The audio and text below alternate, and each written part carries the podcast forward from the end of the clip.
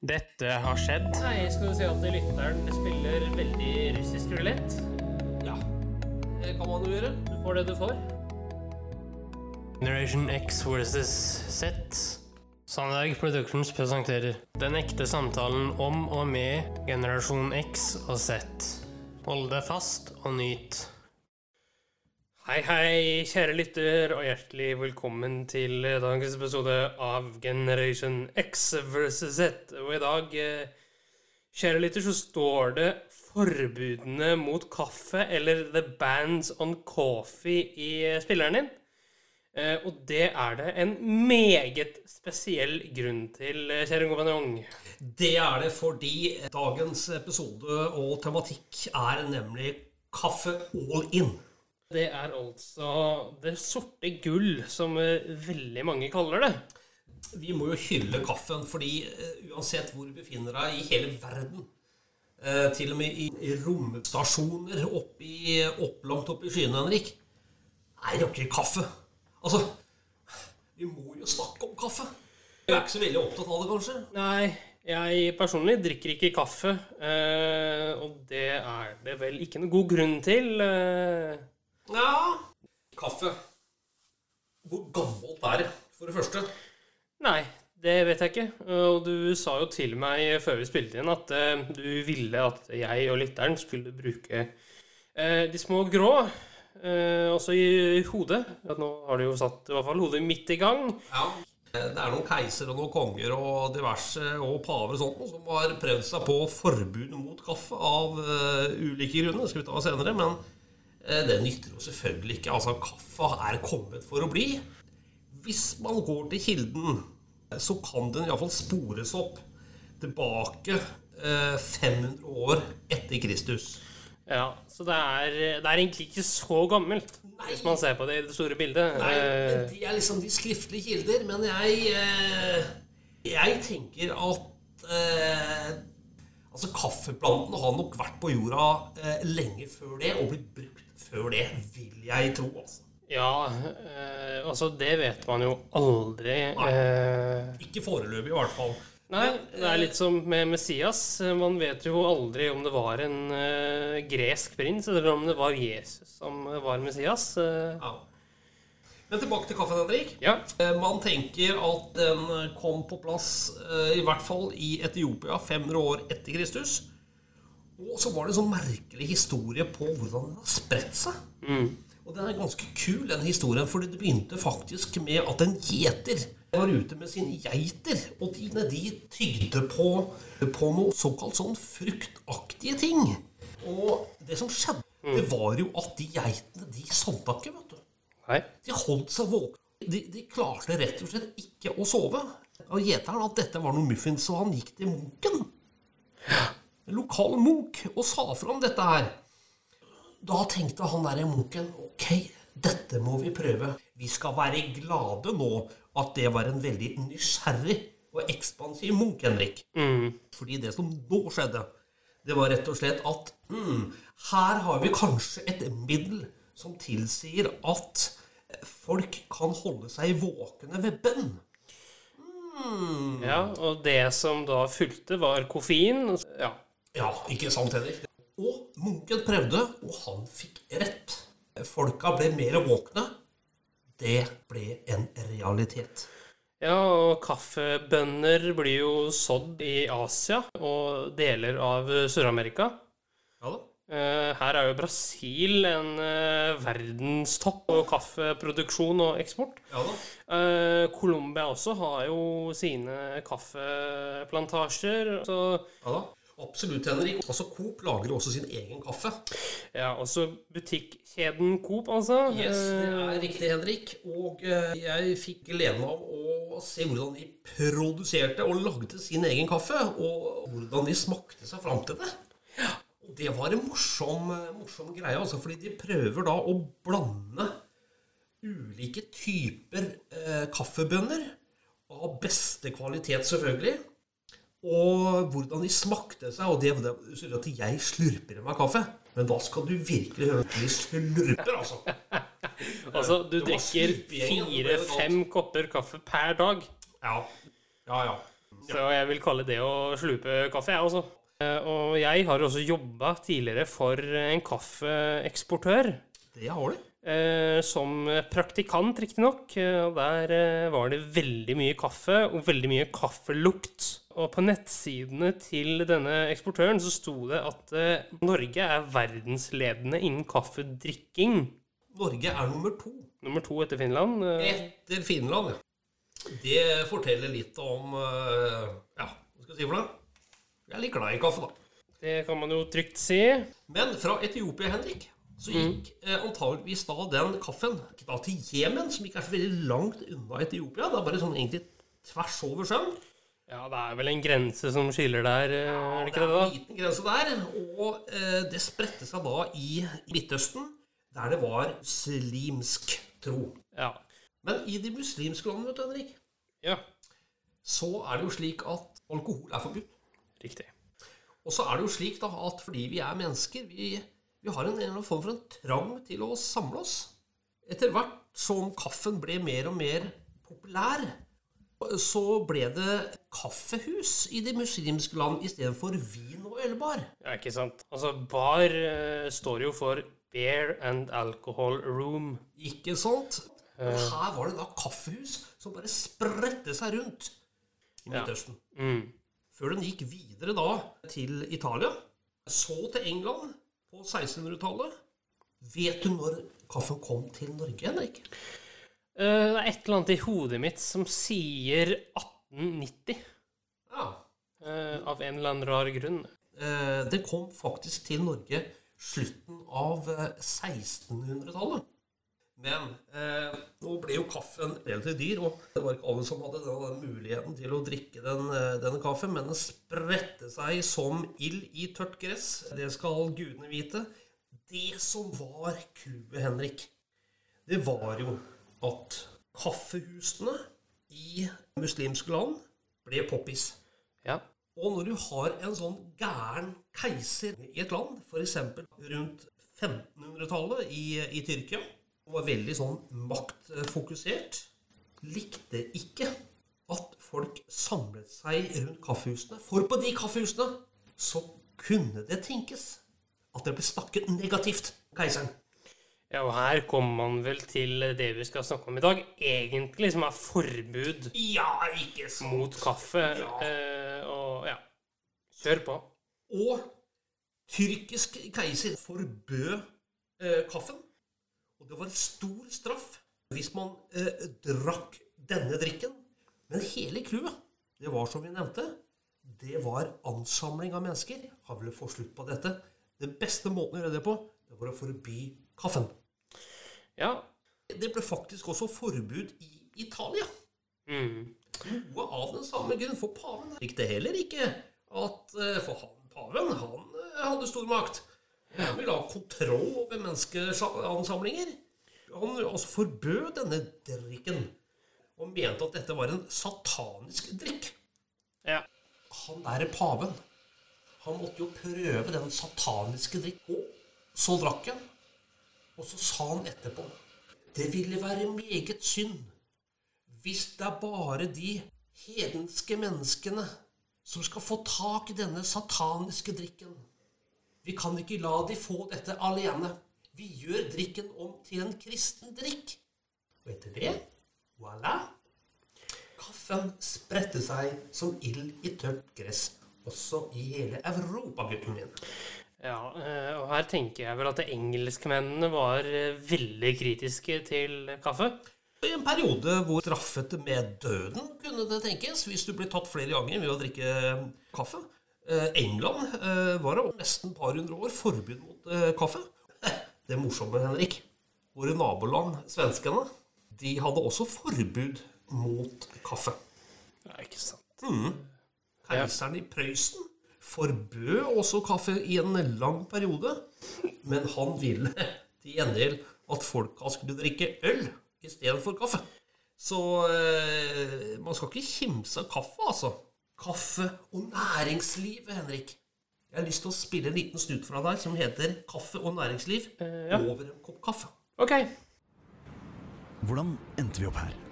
I en verden drevet av en global økonomi, selskaper, foretak, stiftelser, markeder, avtaler, business. Hvordan kom vi frem til denne modellen? Dette skal faktisk ikke dreie seg om det, men heller om hvorfor du finner en blindpassasjer i hver krik og krok av næringslivet. Hvorfor skjer alt over en kopp kaffe? Kaffe er blitt langt mer enn bare en drikk. Den har fått en funksjon, en fast plass ved bordet. Så fast at den har fått være med på noen av de største begivenhetene i senere historie. Kaffe ble konsumert i kontrollrommet da Neil Armstrong satte sine føtter på månen.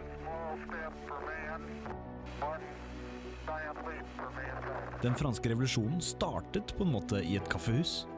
Og nå, som vi har den internasjonale romstasjonen, konsumeres det kaffe der også. Og hvis det bare var på begivenhetsrike dager og spesielle steder hvor de drakk kaffe, så hadde vi aldri klart å nå vårt årlige konsum, som ligger på hele ti millioner tonn. Nei, kaffe har blitt hverdag. Men hvor er det denne drikken kommer fra? There's a really interesting story about the origin of coffee, um, but it's a it's a problematic one. So this this story first appeared in a book published in Italy in the 17th century, and it concerns a possibly mythical goat herder called Caldi, who supposedly was herding his goats in uh, modern day Ethiopia. And he noticed that the goats, when they ate the beans of a particular bush, started to get very frisky. Sort of come to life in a way. And um, he's intrigued by that and he tries the berries himself and he notices that he too is uh, rendered more wakeful and alert he was a bit concerned about this and he went to speak to the local imam who thought that this was a really useful bean and might help um, Muslims stay up all night with their, uh, keeping them awake so they can carry on their devotions and prayers. Now, I mean, that could be true, who knows? But it, what it does, I think, suggest um, is that Indigenous people know what's edible in the areas they live in and sample things. You know, they, they try out things, and if you don't die from it, then you eat some more of it. So, in terms of what becomes the first cup of coffee, we can't say somebody drank the first cup of coffee at a certain point, but we can say by around the 1550s, when we know that coffee is in uh, Istanbul, then at that point it looks like the kind of coffee that we are used to today, the very dark style, Turkish style coffee. Så der har vi altså en opprinnelse, assosiert med religion. Men Hvordan fant kaffe og næringsliv hverandre? Business and coffee have gone hand in hand since coffee first arrived in Europe. Uh, those initial coffee houses, especially in London, for example, businesses were born from those coffee houses. Lloyd's of London, several newspapers. The New York Stock Exchange was also created in a coffee house in New York. We're talking really about I suppose, the first coffee houses. And coffee houses, when they were founded, tended to be patronized by business, by merchants, people who found this a good way of meeting their peers. They popped up around different areas of London which were associated with particular things. So the coffee houses around the Court of St James, which served politicians. Garraway's was associated with merchants. Oh, there's a coffee house where members of the Royal Society met after their Royal Society meetings. There was a coffee house for writers. Disse kaffehusene dukket altså opp overalt på midten av 1600-tallet i London. På et tidspunkt fikk de navnet Penny Universities. Why are they called penny universities? Both the, the, the coin and the term university seem puzzling.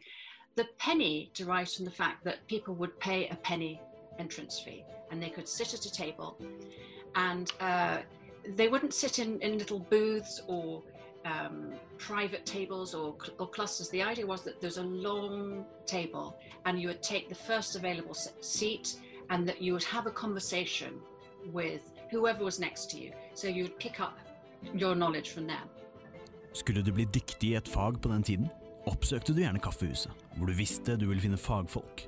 Fagfolk du kunne lære av, Kaffehusene kan på mange måter bli sett på som noen av de første kontorene.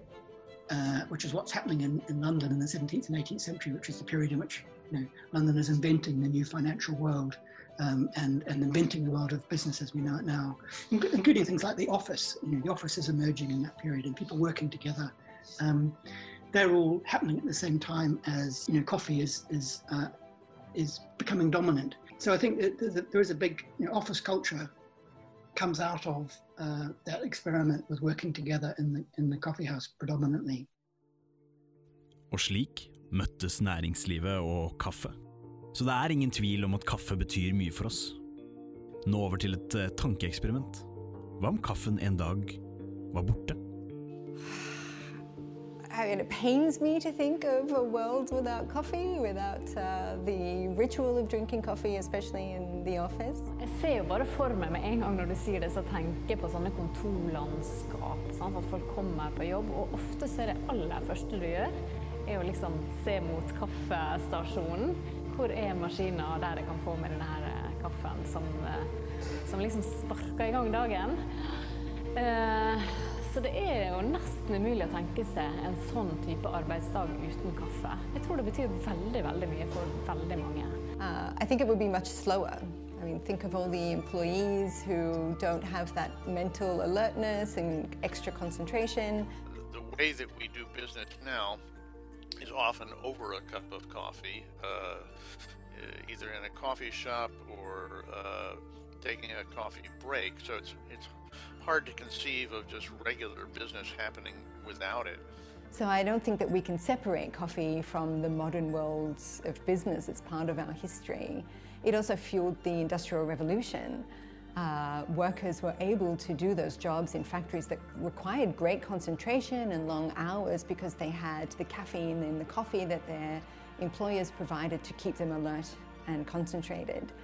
And there is a story about the history of espresso, that espresso was actually created in Italy in order to serve workers coffee in a really quick uh, method in their breaks so that they could have multiple coffee breaks during the day and keep alert. I think a lot of business is done over a cup of coffee, partly because of that original um, Islamic tradition of hospitality. That when you when you go somewhere in the Islamic world, there's always a, an offering of, of, a, of a beverage, and you sit down and you share it. And that's really been true throughout history because, you know, the coffee house's first function has often been here's a neutral place in which two people, quite possibly from different backgrounds or different classes or whatever, can actually meet as peers. And we don't have to go through the rituals that establish which one of us has rank. And that goes right back to the first Arabian coffee houses. Så hvis det er slik at vi ikke kan separere næringslivet og kaffe, så må vi vel se på det som et verktøy?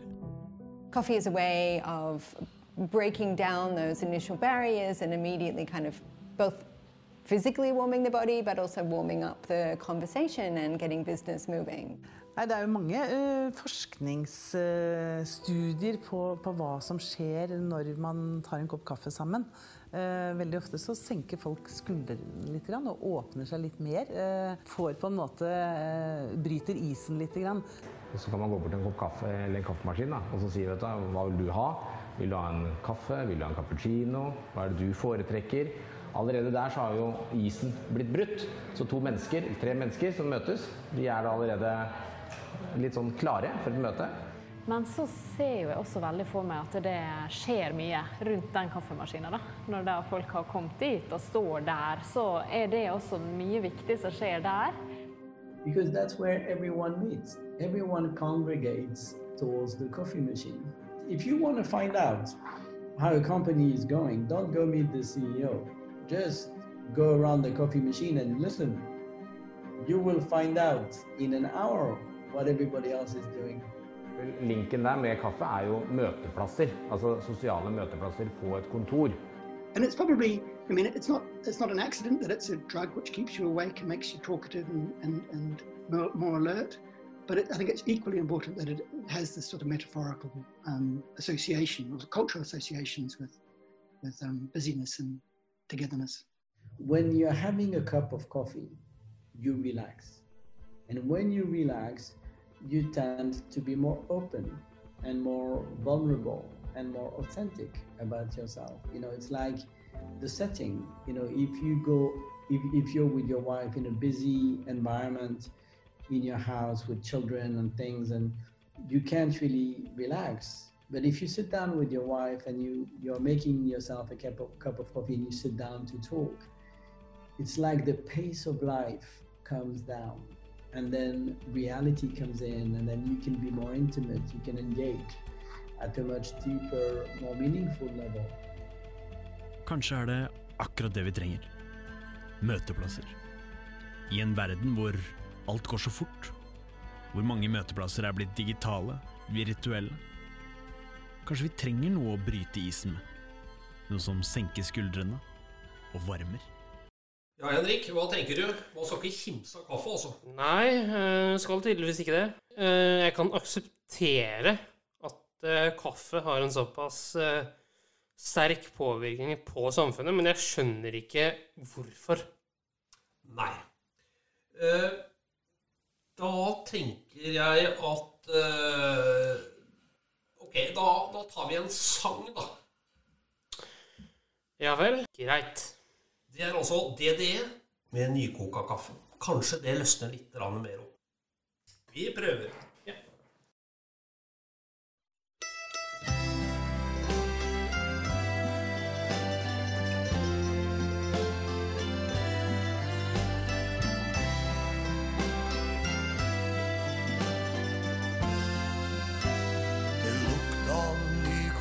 Kaffe, salamipølse og resta brød.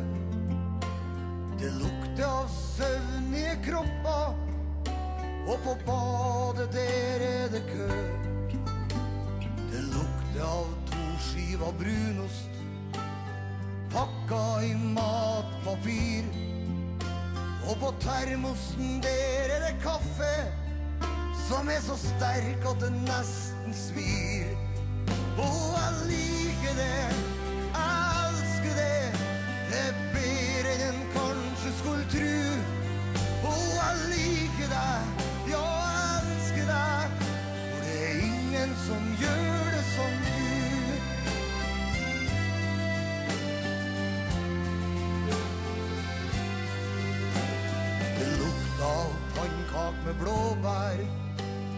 kjøttkak med stua kål. Det lukter av kropp som har jobba, og som nærmer seg det den kan tåle. Det lukter av grønnsåp og klorin, av Zalo og salmiakk. Det lukter av gjærbakst og surdeig, og av natron og hjortetakk.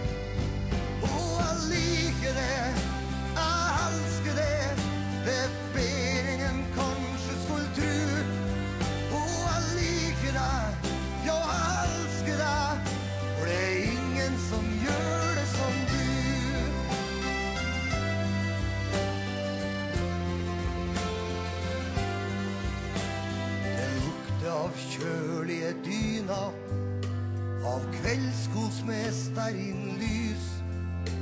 Det lukter av døsige kropper som har så altfor lett for å fryse. Du kan by meg på rødvin og druer. Karamellpudding, det elsker jeg. Du kan terge meg med kaffe og konjakk. Men jeg blir gal når jeg får ferten av deg.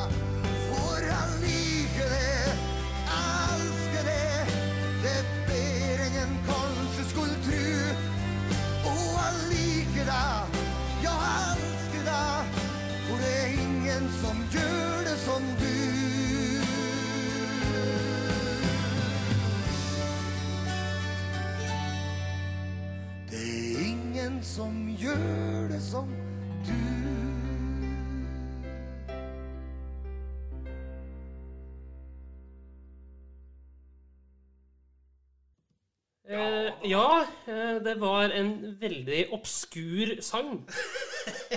Eh, og DDE er jo kjent for obskure sanger, så det er kanskje ikke så obskurt likevel. Eh, eh, har du noe mer på hjertet? Hadde du NRK-hjørnet i dag, Oh yes! Oh yes. NRK-hjørnet.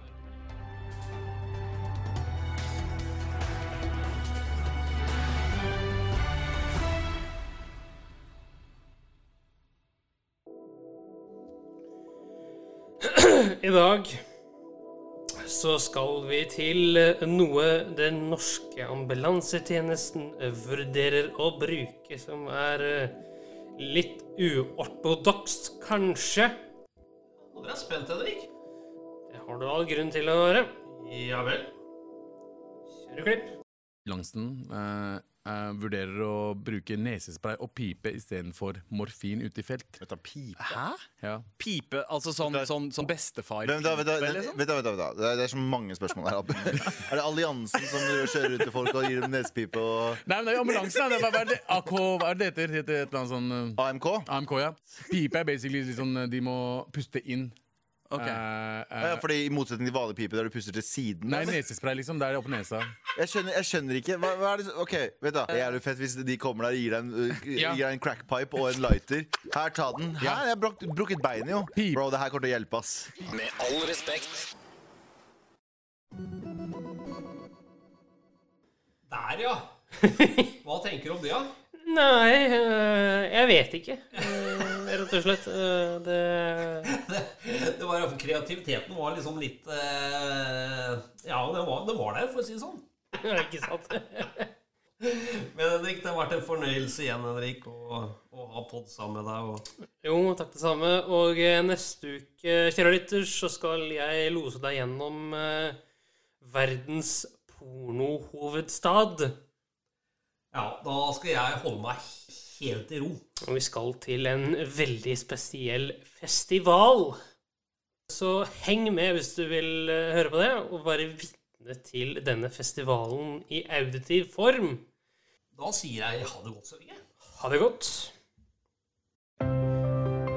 Tusen takk for at du fulgte oss. Eh, Gi gjerne tilbakemelding, likes eller kommentar på Facebook-siden vår Generation X versus Z.